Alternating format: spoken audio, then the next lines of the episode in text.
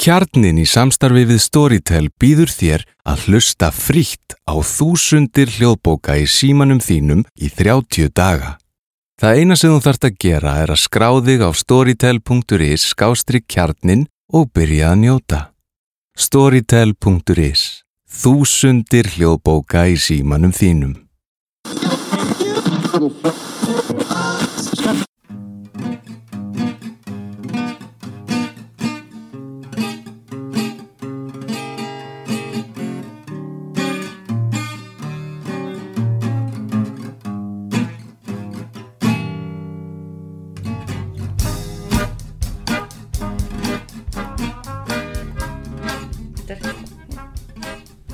Velkomin í samtal við samfélagið, hlaðvar félagsfræðinar.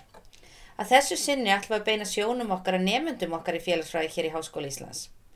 Fyrst ætlum ég að tala við Elsu Dögg Lárusdóttur, en hún hlaut í haust verðlun Félagsfræðingafélags Íslands fyrir framúrskarandi bíjarritgerð árið 2019.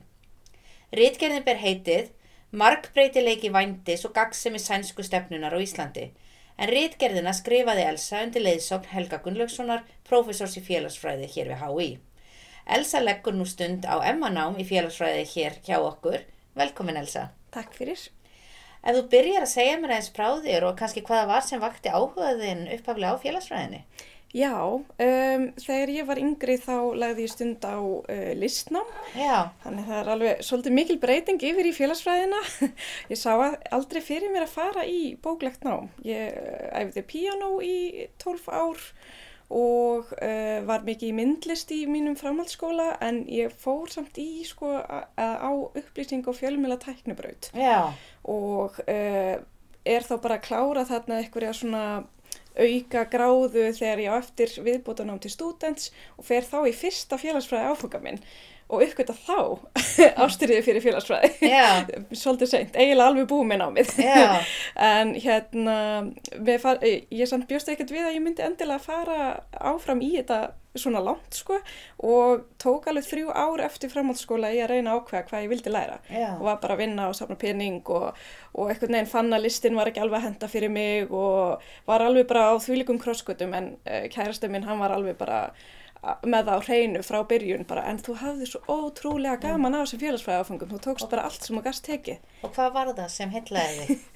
um, bara svona þessi samfélagslegu málefni uh, ég kem í raun ekki frá neitt rosalega uh, hátsettum bakgrunna þannig og hef einhvern veginn bara haft mér persónulegt sjónarhótt inn í alls konar ójafn rétti eða svona þannig og það það vakti bara rosa mikinn áhuga minn að kafa dýbra inn í þetta. Já. Ég fann bara í þessum fyrstu félagsfræða áfengum þegar, ég- þegar ég var að hérna, lesa um kenningarnar og bara þessa upphásmenn og bara Karl Marx og Durkheim og að mér fannst þetta bara alveg æðislegt. Já. og mér fannst þetta meika svo mikið sens Já, og að sama skapi og einhvern veginn þeir sem ég hef talað við sem hafa sagt að félagsfræðin er einmitt eh, svo basic að hún verður bara leiðileg þá fannst mér hún einmitt basic og skemmtileg Mm. Já. eða svona einhvern veginn Já. ég bara svona áttaði mig á bara já hér einhvern veginn er heimurinn komin í eitthvað samhengi sem ég hef ekki haft áður og mér finnst það bara einhvern veginn sjúklega áhugavert já.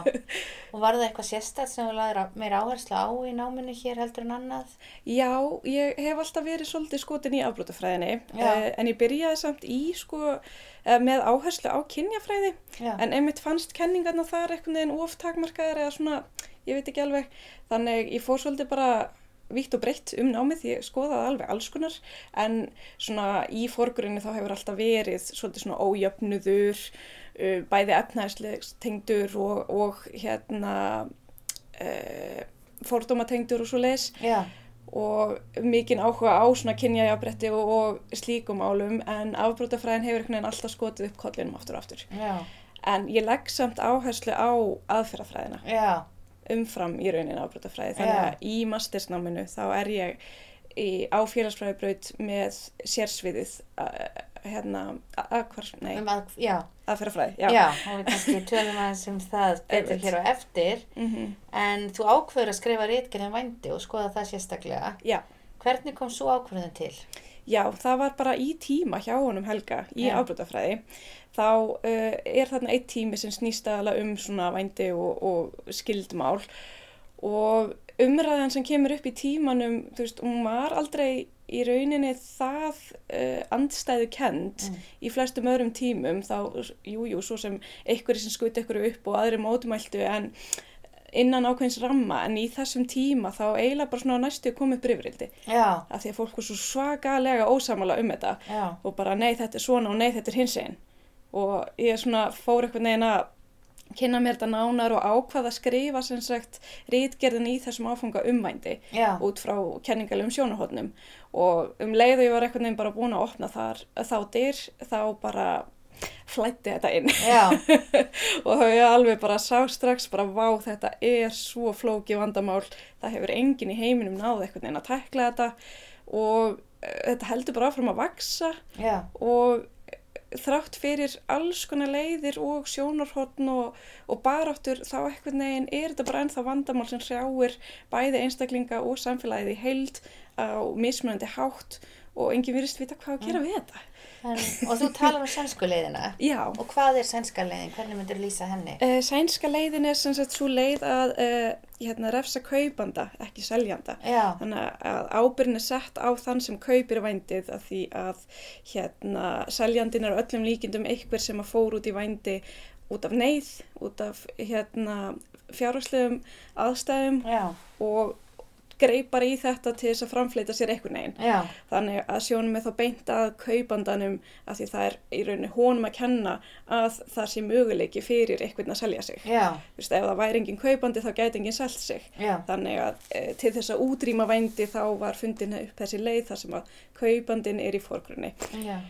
Og hérna Og líka, s- hvernig er þetta á Íslandi núna? já, uh, á Íslandi hérna árið 2009 var semst þessi stefna tekin Já, upp. Uh, Í flestum löndum og hér á landi var refsistefnan bara eh, þessi upprunalega vikildi þar sem að það var bara refsa fyrir bæði kaup og sölu já, og en á einhverjum tímapunkti fara að átta sig á að seljandin sjálfur er í rauninni þólandi já, og það þarf bara aðstóða hann og Já. einhvern veginn reyna að koma þessum seljanda upp úr þessum aðstæðum Mm. en uh, já, þannig að þú ert að skoða þá hvernig þessi innleiðing hefur tekist á Íslandi síðan Já. 2009 akkurat og hvað er það sem að þú finnur þar? sko uh, sjónarhóttni sjálft er í rauninni uh, mjög áhrifa rí, ríkt eða okay, sjónarhóttni sjálft um, meikar sens ef ég Já. get bara orðað það þannig Eh, þú veist að hérna uh, taka fyrir þann sem ég raunverulega ber ábyrð á skadanum Já, ef ma maður orða það þannig af því Já. að það er ótrúlega skaði sem fylgir vændi það er klálega bara í rauninni kaupandin sem að hefur völd til þess að valda þessum skaða Já. en uh, hvernig hún virkar í rauninni er bara því miður ekkert, ekkert svo vel sko. já, Þú veist, eins og hér á landi þá hérna uh, er verið aðla að stíðast við sektir þannig að við fyrstu, fyrsta brot, sérst, fyrstu vændiskaup þá ertu sektar um einhverja 100.000 krónur, já, hækka svo upp í 200.000, það er ekki nema við ítryggu brot sem að er hérna fangilsisvist og svo er haldið nafnleindi við kaupendum já, og þetta er ekki, þú veist, það er ekki gert svoleiðis í Noregi eða í Svíþjóð þar sem að þetta á uppruna sinn já. þar er einmitt nafnbyrt og það er það sem er talið vera áhrifaríkast. Já, það er þá er henni kannski skömmin frekar eða þú veist að þú Já. veist ekki kannski giftir menn sem eiga nóga peningum þannig Akkurat. að þó að sé einhver smá sekt eða eitthvað svoleiðis er það kannski ekki Það, er, það bara er ekki alveg nóg áhrifaríkt. Já, Þannig að sérstaklega eins og hérna 100.000 krónur fyrir kannski eitthvað sem ávalið feikið nóg pening, þú veist, Já. þetta, er einhvern veginn, þetta er ekki neitt, það er engar afleðingar. já, Og þar að leiðandi hefur, hefur í rauninni þessi stefna ekki þann fælingamátt sem þetta á að hafa. já, En að sjálfsögum ásamt deila um hversu gott það væri að taka upp nafnbyrtingu í að blitlu samfélag á Íslandi, þannig að þú veist, það er heldur ekkit einfalt mál. já, það er ekkit endilega það að við eigum bara beint að fara í það heldur eiginlega frekar þá er sko sænska stefnan gengur svolítið út á að grípa utanum þessa einstaklingar sem vantar aðstóð já, en við höfum bara svo lítið gert í því aðal áherslan hefur bara verið á að handsama kaupendur já, en áherslan þar er ekki einsinni það mikil af því að lögreglan hefur í rauninni voða lítið eh, þú veist, að gera í þessum málum Mhm. þeir eru bara undir mannaðir og undir fjármagnaðir og eina sem þeir geta gert er að býða fyrir utan húsnaði þar sem grunur er á vændisköpum já, en þú veist, þeir hafa enga aðra leið til þess að nálgast neitt þannig eh, að ha- einbeita sér svona mikið að því að handsama kaupendur er bara ekkert rosalega gaglagt. já, Á meðan við ættum frekar að vera að reyna að leita leiða til þess að nálgast þá einstaklingana sem er í þessum aðstæðum og veita þeim aðstof já, og hinpóllin á þessum lögum er sá að hérna uh, einstaklingur sem selur sig á að geta stegið fram og kjart kaupandan já, en miðað við ef við tengjum þetta nú bara við hérna almenn kynferðisbrota mál af því að það er tilgangur með lögunum að hérna seljandin er þólandi kynferðisofbeldis Mm. en þólandi kynferðisofbeldis eiga bara rosalega erfitt almennt með að stíga fram bara út af skömm og sjálfs ásökunum og svoleiðis og ef að þú ert nú þegar hérna að selja líkamaðinn viljugur innan gæsalappa Já. hversu líklegt er að þú actually ferð og kærir svo einstaklingin nákvæmlega, það er bara mjög, mjög ólíklegt já, og ef það gerist eitthvað tíman þá er það ekki fyrir en einhverjum jafnvel árum setna þegar einstaklingun hefur farið og, og leita sér aðstóra unnis úr sínum málum og þá eru bara málum fyrnt já, þannig að það er eiginlega bara engin tilgangur í því heldur Já. að eh, vera með þennan, þennan rétt á að kæra kaupandana því það er bara mjög ólíklegt að það kom eitthvað tíman til að það verði raun. Já, Þannig að heilda niðurstöða rítgerðina er kannski að það sé þessi stefni í Svíþjóð sem að virkar vel þar af því að þeir eru að gera margt annað.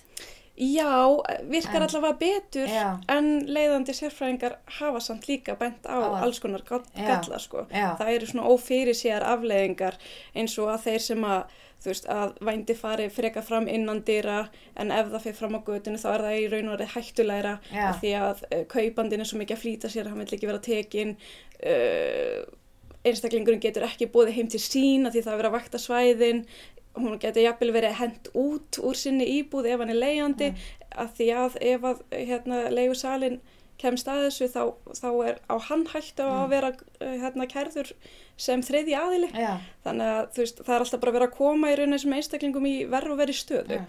þannig að er þetta í raun gaglegt, Já. ég veit það ekki hugmyndafræðin er góð já, en þetta er líka kannski svolítið og sagði ráðan hér Já. að sumir segja að félagsræðin verði svolítið basic Já, en þá kannski er þetta einmitt að sína rosalega styrk félagsfræðinar Já. með að þú veist, það er rosalega auðvelt að koma með einhverja stefnu Já. sem að ætti að vera laust en Einmitt. félagsfræðin alltaf sýnir okkur að einstaklingar, samfélög, hvernig kerfi virkar Mhm. er miklu, miklu flóknara alveg miklu, miklu og bara hvað það síðan þýðir fyrir líf einstaklinga, hvað það þýðir fyrir valdahlutföll Já. og hvað það síðan þýðir fyrir að já, þetta lítur vel út á pappir en svo eru ófyrir sjáanlegar afleðingar Akkurat, það er einmitt þetta sem að mér langaði að fókusa svona á og einmitt það sem ég bara komst í rauninni að. Það virðist vera eins og stefnan sérstaklega hér á Íslandi sé meira bara í orði frekar en görðum. já, Þú veist, hún er ekkert eitthvað neina að gagnast neinum og vændi bara heldur áfram að aukast og tengslu mannsal verða alltaf bara meira og meiri og skipulega glæpast það sem ég og það er eitthvað neginn, já. engin veit hvað á að gera. En það er til, það eru til fín orð á blaði sem Já. er hægt að taka upp á hátíðisdögum Einmitt. en það sem er Og- síðan og- raunveruleikin eru miklar mannlegar þjáningar. Nefnilega og ta taka upp eins og þú segir á hátíðarhöldum og segja bara við erum rosa réttlátt samfélag og við höfum jafnbreytt í fyrirrúmi og Já. jari, jari, já, en, en hvað svo? Já. Þannig það var eiginlega pínu tilgangurinn. Já, og nú ertu komin í emmanámið Mm -hmm. og varst að segja mitt áðan að þú ert með eh, áherslu þar á aðferðir. Já, Það semst það er hægt að taka svona kjörsvið hjá okkur og eitt að þeim er semst félagsfræði með kjörsvið á aðferðum og hva, hvaðan kemur þessi aðferðafræðilega á hér? sko í rauninni bara þegar ég fór í fyrstu aðferðafræði og tölfræði kursana hér þá bara uh, komst ég að því og ólíkt því sem ég held alla mína æfi ég væri umurleg í starffræði. Já. þá var ég bara ekkert svo umileg í starfræði ég bara sá ekki tilgangin í því sem við vorum að læra og læði mig þá ekki fram um að læra Já. það en um leið og ég skildi samhengið hvernig er hægt að nota tölfræðina og, og líkindi og, og allt þetta til þess að spá fyrir um eitthvað ákveðið og, og nota það í raun og það segir okkur eitthvað upplýsingar það fannst mér þetta bara ótrúlega skemmtilegt Já. og hvað er það svo sem þið langar að gera í framtíðinni? Það er einmitt, einmitt máli, sko. Tilgangur með að fókusa á aðferðir er bara svo að ég geti einhvern veginn verið góður rannsakandi á öllum sviðum. Ég langar að læra með eiginlegar og eiginlegar aðferðir af því að ég trúi á að blanda aðferðum saman Já. sem er einmitt eitthvað sem kems, eh, kemur svolítið fram í rítgerina því að ég trúi svolítið á bara eh, þverfaglegar lausnir Já. og um, í nútíma samfélagi finnst mér alltaf svolítið skríti ef að fólk ætlar alltaf bara eina leið. já, Ég, ég eiginlega trú ekki á það, þannig að ég vildi bara fókusa á aðferðir svo að ég kynni aðferðir sem getur gagnast mér á hvaða svið sem er í rauninni. já, Þannig þá get ég bæði blanda aðferðum eða skiptum þær eftir þörfum og skil almennilega hugsun á baku hverju eina. já, En í rauninni það sem ég sé fyrir mér að gera í daglegu lífi, eh, ég hefði til dæmis mikinn áhuga á að starfa eins og í gagnagreiningu innan lauruglunar eða eitthvað svo Já. leiðis, eða í dómsmálaráðuneyti við að gera svona rannsóknir, eh, jafnvel kennsla, Já. ég hefði líka áhuga á því, já, eitthvað starf bara Já. hérna innan akademíunar en ég hef ekki alveg já. ákveðið nákvæmlega hvar. Nei, en allt sem að þú ert greinilega á réttri leið að búa þau undir þannig að bara kærar þakkir fyrir að koma hér og segja okkur aðeins frá því sem þú ert að gera og sérstaklega rítgerðinni. Já, takk hella fyrir.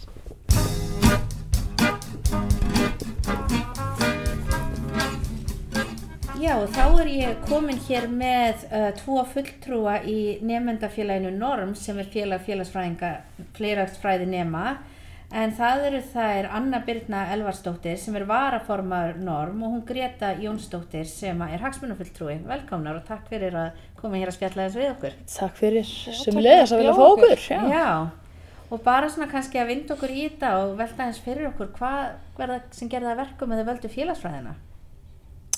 Það er góð spurning.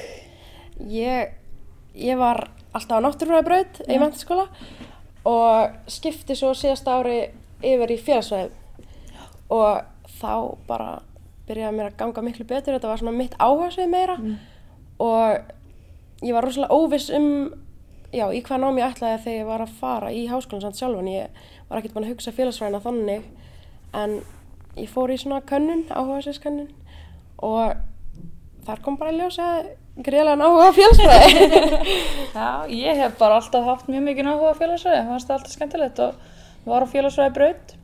En hafði rosalega mikið áhuga á fjölmjölum og Já. langaði þess vegna rosalega mikið að fara í fjölmjölafræði. En hún var ekki kendin í HÍ, þannig ég tók, tek fjölmjölafræðina sem aukafag og félagsræðina sem aðalfag og ég held að passi ekki tve, eh, tvö fög jafn vel saman og félags- og fjölmjölafræðin. Þetta helst alveg í hendur og mjög skemmtilegt og áhugavert nám finnst mér. Já, og svona þegar þið komið hingað í háskólan, hvernig kom námið ykkur fyrir, ykkur fyrir sjónir og hvernig hafa svona síðustu ár verið varandi það sem þið hefur gert? mm, mér fannst það bara svona já, allt ótrúlega áhugavert og allt átti einhvern veginn við þú veist, það var ekki einhver starffræði sem þú ert að nota í einhver ákveðinu, heldur þetta átti við um allt bara þú veist, daglegt líf eða hvað sem það var og maður svona tengdi við það Algjörlega. skildi, þú veist, og gaman að velta þessu fyrir sér Rósalega áhugavert líka bara hvað það voru mismunandi verkefnin. Þetta er ekkert bara eitthvað ég að sitja heima að skrifa reitgerð, heldur er þetta fullt af öðru dæmi sem maður er að gera þarna inn á milli, sem að gera námið svo skemmtilegt, finnst mér. já, og ótrúlega fjölbreytt Já, bara maður er búin að gera alveg vettvangsrannsóknir og sitt eigið hlaðvarp meira þess að. já. Já, Það er alveg, þannig að þið eru bara prós í þessu sko. já, það mætti segja það, sko. en já, þetta er alveg skemmtilegt, bara, eh, maður bjóst ekki alveg við þessu, maður hefði svolítið hugsað þetta eins og þetta væri bara eitthvað að maður væri bara rítgerð eftir rítgerð eftir rítgerð eftir rítgerð þetta Já, er ekki kann- alveg þannig kannski ef maður, eins og maður hugsa eins og maður var í mennskóla, grunnskóla, eitthvað svona geðut hefðbundi dæmi, Einmitt. Mm. þú veist, bara annarkvært hefur rétt eða rámt fyrir þér, skiljur þetta er, já, Þetta er áhugavert, allt sko. öðru þessi Já, og þú myndist á svona að þetta félagsfræðin var einhvern veginn allstar og sæði þetta í daglegu lífi. Eitthvað sem ég geti hugsað um svona kannski varandi það sem þið sjáuð, kannski eitthvað sem við erum að tala um í tímum og svo bara er það í þjóðfélaginu. mér finnst þetta eiginlega bara svolítið magnað hvað þetta nám hefur gefið manni mikla hvað þetta hefur breytt í hvernig maður hugsar þú veist, maður horfur á kastljós þátt maður er bara búin að tala við kalla í kvöld maður, bara, þú veist, maður hugsar, maður hefði ekki pælt í þessu áður en maður byrja að læra þetta en þarna, núna er maður farin að spotta svona hluti bara í, eins og þú segir, daglegu lífi Já, líka, ég fór á uppstandum daginn og þá voru vinkunum mér eitthvað að djóka einn er í líffræði og einn í jarðfræði og það er svona, já, við þurftum að fara á svona líffræði, pub, nei, uppistand eða jarðfræði uppistand og ég, ég hugsaði svona eitthvað, þú veist, uppistand, það er bara félagsfræðilegt sama hver er að tala um, þú veist, það er alltaf að gera grína fólki eða samfélaginu eða eitthvað þannig, en við þurfum ekkert sér uppistand. við erum bara algjörlega sko. En líka bara einhvern veginn í samankomar að gera, þú veist, það er alltaf eitthvað félagsfræðilegt við það alltaf og svona maður verður einhvern veginn hugsa miklu víðtakra að verður Þetta er eiginlega bara magnað, maður áttaði sig ekki alveg á því að félagsvæðin væri allstar. það eru félagsfræði glerugun. Já, alltaf með þau uppi núna, sko. Og við tölum oft einmitt um þau. Hvernig myndið þið lýsa? Hvað eigum við við þegar við tölum um það að setja upp félagsfræði glerugun? Er það ekki bara svona að vera svolítið gaggrínin á samfélagi og horfa á allt í kringu sig með gaggrínum augum? og líka kannski bara svona, já, já, á viðtökur hátt ekki bara út frá þér sjálfum Algjörlega. eða einhverjum einum einstakling heldur meira bara svona út frá heildarsaminginu. Mm. Versti henn. Það skilja ég.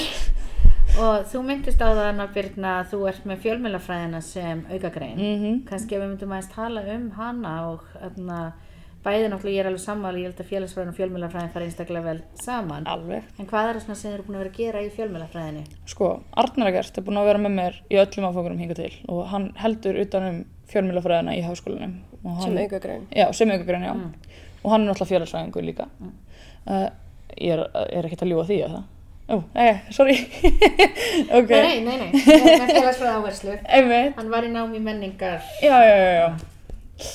En já, þetta hérna, þetta er rosalega áhugavert nám og fyrst fór maður bara svona almenna, almenna fjölmjölafræði. Já. Það sem hún er bara svona kynnt fyrir okkur. Já, náttúrulega kenningarnar, þú veist, eins og Foucault og Baudrillard, þú veist, sem eru félagsfræðingar.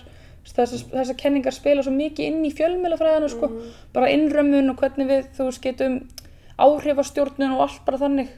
Og þetta, við erum líka núna í áfokur sem heitir samfélagsmiðlar, eða samfélags- og nýmiðlar. Þar spila náttúrulega félagsfræðin rosalega stórt hlutverk af því að, þú veist, samfélagsmiðlar, þetta er bara, finnur ekki meira félagsfræðilegan hlut en það og þetta er alveg magnaður hérna, áfagið fyrst mér sko. opnar augum hans Ég fór líka í hérna dægumenningu Já. sem að var, eða er hluti held ég af fjölmjöla. Mhm, sem var þetta eru tekin fjölmiðlabröð. þar. Það var ótrúlega skemmtilegt. Ótrúlega Þar var ég til dæmis í fyrsta verkefni var ég að skoða hérna stjættaskiptingu í Game of Thrones. Já. Hvernig er það? Mhm. einmitt og síðan fór ég að fjalla um þú veist, byrtingamind geðsjúkdóma í kvikmyndum og endaði á ég að tala um svarta karlmennsku í hip-hop tónlist mm -hmm. hann er svona eitthvað sem að ég hef áhuga á þú veist, Mhm. einmitt eh, kvikmyndir og tónlist sem ég gæti tekið félagsræðilegan vingil af því og mér finnst það ótrúlega skemmtilegt Einmitt. Ég var í einhverjum svipum dúr sko, Já. en mæli heiklust með sem áfokur sko, því að þetta er svo menningin og samfélagi þetta spila saman. líka að því maður færa uh, snýðið eins og mann sjálfur hvar áhuga sem mann sjálf, sjálf liggur þú veist. Algjörlega. það var sem ég er ótrúlega skemmtilegt Og þú ert í félagsfræðinu og hefur verið að taka alls konar námski líka þar. Hefur þú verið með einhverja svona sérhæfingu eða bara svona að taka svolítið hér og þar? Uh, ég hef verið að taka svolítið hér og þar. Ég fór í afbrotafræði sem ég fannst áhugavert. Svo er ég núna í geðhilsu félagsfræði hjá þér og já, mér finnst það mjög skemmtilegt. Ég, svona, ég er alltaf að skipta um fókus. Ég svona fer í eitthvað, eitthvað valáfanga eða á eitthvað sérsvið og þá svona, já, ver- fæ ég alltaf áhuga og langar eitthvað svona að fara að byrja að skoða það meira. Já. Maður svona, Ég heldur mér að það sé svolítið vegna þess að þegar maður fer inn í félagsvæðina þá áttar maður sig ekki alveg á því hversu mörg undisvið er. nei. Já. og maður er alltaf að kynast nýju nýju svið og maður er alltaf, ó þetta er geggjað, nei býtu, þetta er líka geggjað maður er svona einhvern veginn getur ekki ákveð sig og þetta er allt svo Þetta er allt ákveð svo áhugavert og skemmtilegt. Mér finnst það svona, já. Já, og það eru auðvitað sem maður síðan fer að sjá og bara í rauninni sko hvað er félagsfræðilega sjónarhortni er og við tölum eins og um félagsfræðilega eru að sjá, horfa á samfélagi með gaggrinum augum, við horfum á félagsfræðilega sjónarhortni um að reyna náttúrulega grunninn að skilja þessi tengsl einstaklings og samfélag og hvernig samfélagið hefur áhrif á okkur en líka hvernig við höfum áhrif á samfélagið og að breyta því en svo auðvitað náttúrulega þetta sjónarhort getur sér nánast sett á hvað sem er sem að tengist einstaklingum hópum eða samfélaginu Já, algjörlega. Algjörlega.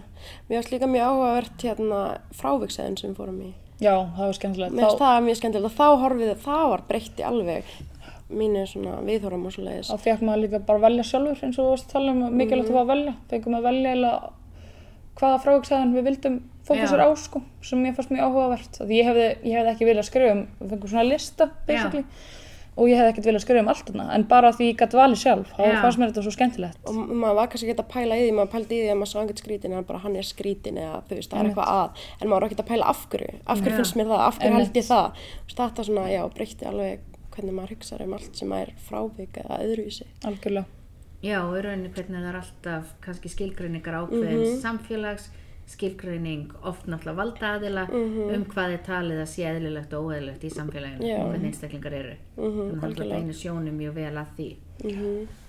En svona fyrir utan námið og þeir eru nú báðar í stjórn norm uh, sem er nefndafélagi, hvað gerir þið svona og bæði vantali félagslegum og svo ertu hagsmunafulltrúi þannig að Já, Hvað gerum við ekki? Hvað Segjum gerum bara. við ekki? En Við erum bara hérna, sjáum um það að nefndunir í félagsræði gera eitthvað annað en að skrifa bara rítgerðir. bara við, við skipilegjum vísóin og erum núna skipilegja ásatíð og eins og svona viðbyrði inn á milli. Mm mhm. Reynum bara að hafa gaman. já, bara svona að tengja hópin betur saman. Við erum öll mjög svona, við erum mjög þjættir hópur. Við erum svona, náum vel saman og það mæta rosalega margir og það er alltaf gaman. Mhm.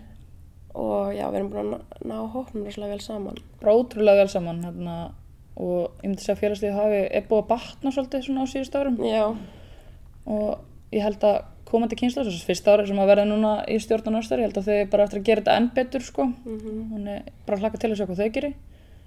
já. En- Ég var, ég byrjaði í fjarnámi hérna í HA ára en ég kom hingað Mhm. og þar fannst mér einmitt vanta þennan svona félagslífi, þú veist, Já. Mm. þannig ég kom hingað og núna erum við í stjórninni og ég svona tók alveg eftir því þegar ég var að byrja, þá var ég að mæta í tíma og ég, mér fannst það rosalega áhugavert en ég var samt ekkert eitthvað að s- endilega skemmta mér, Mhm. þú veist, í skólanum eða í tímum en svo um leiðum maður byrjar að kynnast þessu fólki og maður verði náin einhverjum, þá, er, þá langar manni líka að mæta, þú veist, að því mann finnst gaman, annars gaman að vera með þessu fólki, Algjörlega. Þú veist, þannig að það skiptir alveg máli. og s- já, síðan erum við bara, þú veist, ofta og við erum fyrir nýri bæ saman eftir vísóðu og þá erum við bara ofta raukraðið einhverja félagsæði, sko. Þetta er Já. ekkert- þetta er ekkert bara, hérna, við erum ekkert bara að djama djúsa, sko. Nei, nei, og við erum nú farið í félagsfræði bíó, ég veit ekki hvort að þið hafi komið með í Ég mista því. Nei, ég misti það Við höfum líka. gert það nokkru sinnum því að það er náttúrulega líka sem er skemmtilegt við Mhm. félagsfræðina, það náttúrulega er svo oft eitthvað bara, já, hvort sem það er uppistandi eða kvikmyndir eða eitthvað slíkt sem að náttúrulega er með félagsfræðilegan, með lega- félagsfræðilegan uh, vingil og Mhm. slíkt. Og þið eru núna á að klára annað árið, Já. Mikið rétt. þannig að farin á síðasta árið hjá ykkur. Man er bara orðinn svolítið stressaður. Það er samtal. Eru þið eitthvað farin að hugsa um björritgerðina og hvað eitthvað langar kannski að skrifa um? Ég ætla að vil fara í svona menningar áttina, þú veist, menningar félagsæði einhverja, sko. Já, Ég er svolítið ekki alveg búin að ákveða, sko. En, en ég finn nú eitthvað skemmtilegt, held ég. já, maður byrjar að hugsa þetta alveg sko Já. og koma með einhverjar pælingar en maður er ekki samt, þetta er ekki maður er ekki komin inn að beinagrönd sko núna já. Ég er bara, Endir þá snepp, þá ekki byrja fyrir nýtt BS Já, með ok, núna gott að í ég haust, sko. ok, gott að ég sé alltaf ekki aftur á, það er Nei. fínt að þetta ég er búin að fara bara viðanveld, ég er búin að skipta öruglega, ég er búin að vera, ég held ég væri búin að ákveða mig alveg hvað ég ætla að skrifa og ég er búin að skipta öruglega fimm sinnum eða eitthvað, hvað, eða svona já, hvað ég hefði hugsað mér að skrifa um. Ég fór úr því að vilja skrifa um íslenskt hip-hop, svo fór yfir í hérna að fjalla um fjöldarhengar í tengslu við hérna, loftslagsbreytingarnar og eitthvað svoleiðis og núna er ég einmitt að hallast meira að einhverju heilsutengdu, hvort sem það eru andlega, eða líkamlega veikindi, svona, já. þetta er bara það sem ég voru að segja á hann hérna, með, Sér bara hvernig þú fylgir mismunandi námskeið. Einmitt, Bókstaflega, í þetta gegnum er það sem ég var að námskeið, tala um þetta er bara, maður fæ bara áhuga á öðru þegar maður fyrir að hitt námskeið því þetta er allt svo Já. áhugavert bara maður hefði helst vilja geta bara skrifað um allt, í einni rítgerð. það er gaman sko Það var bara að halda áfram sko í námi, það má Já, og líka. maður, En svona kannski fyrir utan félagsfræðina, hvernig finnst ykkur svona að vera háskólanemi á Íslandi í dag? Hvað að vera í háskólanum og vera hér í þessu samfélagi? mér finnst þetta bara svo eitthvað hvað ég segja, unreal Já. það er svona trú en það ekki alveg shit og stundum er ég bara eitthvað að labba á skólagöngunum ég er bara, wow, ég er í háskóla bara, þú veist, mér leiði eins og ég hafi verið að bara klára framskóla í gær, sko já, að maður sé bráðum að fara að vera komin bíða. mér finnst þetta ótrúlegt að eftir rúm, rúmlega ár aðeins meira, þú veist, þá get ég verið að segja að ég sé félagsfræðingur nei, getur- í alveg, má ég segja það? Þú getur komið í félagsfræðingafélag Íslands. Það sem Yeah. er mikið af viðbörðum og skemmtilegitum. Hú, það er fyrsta sem ég ætla að gera þegar ég útskrifast, sko. Skrá- skrá mig í félagi Nei, ég, mér finnst þetta bara, ég trúi þess ekki, sko, þegar maður hugsa út í þetta. Mér finnst það, já, mér finnst það mjög skemmtilegt, þú veist, það getur verið krefjandi og erfitt, en Já. mjög skemmtilegt, þú veist, mér finnst gott viðmótið þarna. Algjörlega, samla því. góðir náms- og starfsrækjaðarnir, það er alltaf hægt að fá hjálp frá þeim og líka bara, já, eins og, þú veist, veit það ekki. Ég bara, bara vinnirnir og þú veist, vinnirnir sem maður eignast hérna, þú veist, ég þekkti þig ekki fyrir tveimur árum, þú Nei, þekki, það er rétt. bara skemmtilegt. Nú, það er líka heldur stundum svolítið sem við gleymum með nám er og kannski sérstaklega svona kannski í þessu samfélagi það sem er slíka svona mikil hraði og þú veist að klára þetta og komast út á vinnumarkaðan og gera þetta að hlut af námi er auðvitað það sem við erum að læra úr bókunum og kannski það sem við erum að læra úr tímum en rosalega mikið af það sem við erum að læra er líka gegnum samskipti og það er náttúrulega líka bæði samskipti sem þú átt við kennara en líka rosalega mikilvægt samskipti við jafningina og að sem sagt svona gangi gegnum þetta nám saman Já, algjörlega líka gaman að læra saman og svona. Það er svona félagskapur þó maður sé að gera eitthvað sem maður kannski langar að ekkert sérstaklega. Það er alltaf betra að það er ekki gott að þjást einn. Það er betra að þjást, þjást með öðrum, sko. Það er gott að fara í svona study groups og vera Já. öll bara í saman pakkarum. En líka bara með þú veist almenn samskipti með svona fær reynslu að þú veist þetta svona Já. mótar mann rosalega Já. mikið bara hvað, hvernig manneski maður verður. skilur. Sammála því. Nei og það var til dæmis eins og oft sem ég stáði að minka, þú veist, vera að kvarta til dæmis yfir hópverkefnum og þurfa að gera hópverkefni. Það er gaman. En nei, svo hugsa, þú veist, hvað ertu að fara að gera út á vinnumarkaði? Mhm, þú veist, hvernig átt þú nákvæmlega. ekki að þurfa í rauninni að nota þá færni að geta unni með öðrum á árangustrýkan hátt og Nákvæmlega. unni með fólki með alls konar persónuleika. Einmitt. Já, Þannig að þú veist, jú, hópverkefni er kannski eitt um að klára einhver ákveðna pródögt, Mhm. en það er líka um ferlið já, að geta búið þetta til nákvæmlega. saman og fundið leið til þess. Já. Sammála því. Og það er náttúrulega mikið um hópverkefninu hérna í félagsræðinu fyrir að mínum mandi sem mér finnst jákvægt, Já. sko. Já, mér finnst það mjög skemmtilegt. Svona, auðvitað getur komið einhverja áreikstærar og svoleiðis en það er einmitt það sem maður þarf hvert er að gera í, þegar maður fer út í samfélagið að takast á við það og þú veist, finna einhverja laust sem að allir er sátti með hvert er. Það er bara mikið lagt upp á framtíðina. Það er nýjast þessu. En ef við hugsaum svona þess um framtíðina, hvað, svona er eitthvað farin að hugsa hvað eitthvað langar að gera þegar þið eru búnar með þetta? Þegar við verum stórar. Já, það er svona ára. Já, ég eins og ég segi, ég með langar að starfa eitthvað svona menningalegt, Já. eða eitthvað menningalegt tengt þessu og kannski hérna fara til fréttamennsku eða eitthvað, Já. ég myndi hafa áhuga á því. En maður sér bara hvernig það þróast og kannski eh, þegar ég tek geðhilsu hjá þér þá bara vill ég allt innu vera að fara í geðhilsu fyrir það, ég veit það ekki. Já, það er Bara- aldrei að vita. Maður verður bara að sjá hvað setur. Mér langar, mér langar að halda áfram í master allavega og vonandi doktor ef, að, ef, það- já, ef það gerst tækifæri. Já, en já, mér finnst bara rosalega gaman að vera með fólki og vinna með fólki. Þannig ég hef hugsað mér einhvers konar kennslu eða eitthvað þess aftar. Ok, En það er líka alltaf að breytast.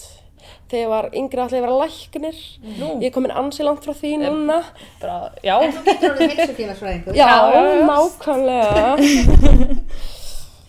Já, herði, það er bara frábært og bara kæra þakki fyrir að taka ykkur smá tíma hér að koma að spjalla við mig. takk fyrir. já, takk fyrir Ræða aðeins okkur. námið og félagsfræðina. Bara sjálfsögða Og hlutur. bara frábært að sjá líka hvað hefur orðið mikil svona, já, bara hvað er mikil kraftur í nefndafélaginu í félagsfræðinu, þannig að það er bara æðislegt að sjá það Tökum vel á móti öllum. Já, Kjarnin í samstarfi við Storytel býður þér að hlusta frítt á þúsundir hljóðbóka í símanum þínum í 30 daga. Það eina sem þú þart að gera er að skráðig á storytel.is skástrík kjarnin og byrja að njóta. Storytel.is. Þúsundir hljóðbóka í símanum þínum.